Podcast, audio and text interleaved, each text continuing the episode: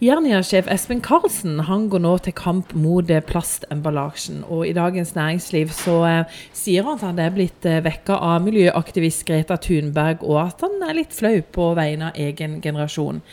Ellen Seilen, du er butikkleder på Jernia Sørlandsparken. Eh, hva tenker du rundt uttalelsene som ja, sjefen din har kommet med? Jeg syns det er utrolig bra at han eh, uttaler seg om dette og tar tak i det, og får i gang eh, hele den prosessen og bevisstgjøringa. Ikke bare blant eh, skoleelever, men blant næringslivet og ledelse og alle oss som jobber under dem. At vi er mer bevisste i forhold til dette. Vi har en viktig jobb å gjøre. Så er det store spørsmålet, er det mye plast og isopor? Du, det er vanvittig mye. Mye mer enn det en egentlig tenker på. Eh, vi ser jo det når vi mottar varer, hvor mye dette ligger pakka inn i både plast og isopor og andre ting. Og i tillegg, når du da endelig får fram varen, så er den også pakka inn i en egen eske med både plast og isopor. Da baller det veldig på seg, for vi som eh, butikk får jo en del emballasje, men også forbrukerne får jo veldig mye emballasje med seg hjem. Når det gjelder varer dere får til butikken, er det noen som er såkalte verstinger? Er det noen som kommer med ekstremt mye plast og, og kanskje isopor? Å ja, vi har noen verstinger. Eh, vi har mye i forhold til grill. Eh, veldig mye pakka inn i isopor. Du har eh, kjøkkenutstyr, altså elektriske ting. Kjøkkenmaskiner, veldig mye av det er også pakka inn i mye isopor. Og det er jo selvfølgelig i forhold til transport og sånn òg. Men eh, ekstremt mye der, vil jeg si. Men eh, det kommer i mye emballasje, men så tenker jeg det er vel kanskje en grunn til at de gjør det, det også. Jeg tenker på dette med Altså, det skal jo trygt fram, og det skal være eh, helt når vi får det. Selvfølgelig. Men eh, da er det noe med å bevisstgjøre produsenter, og også oss som forbrukere og forhandlere, til å bruke alternativ emballasje. En kan bruke resirkulert papp Eh, man kan resirkulere plastikken og bruke det istedenfor, kanskje. Eh, det går an å pakke det mindre esker.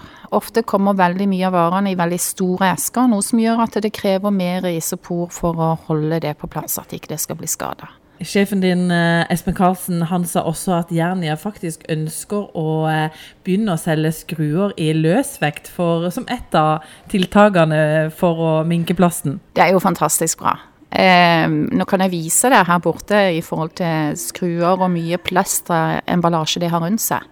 Og det vi også ser i forhold til kunder som kommer inn, ofte så trenger de kanskje bare én eller to eller tre skruer, eller de trenger litt forskjellige typer skruer. Og nå må de kjøpe flere pakker med forskjellige størrelser, hvor det er minimum ti i pakka.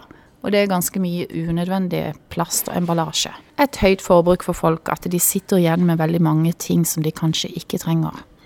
Så jeg syns at det er fantastisk bra at han går opp i kampen på det der. Og jeg regner med at det også vil bli satt i gang andre tiltak eh, på sikt, for det var han ganske klar på.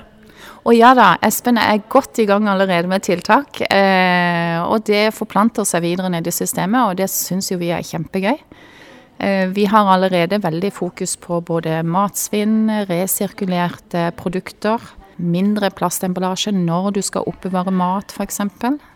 Så han har gjort utrolig mye tiltak. Og en annen ting er at hvis du bestiller varer fra jernia.no, så når de sender ut varer, så pakker de ikke det inn i plast eller isopor lenger. De bruker resirkulert papp, hvor de river den opp i maskin og pakker det inn i det og sender det av gårde. Får dere noen reaksjon fra kundene deres på dette her med plast og isopor, at det er for mye? Veldig mye.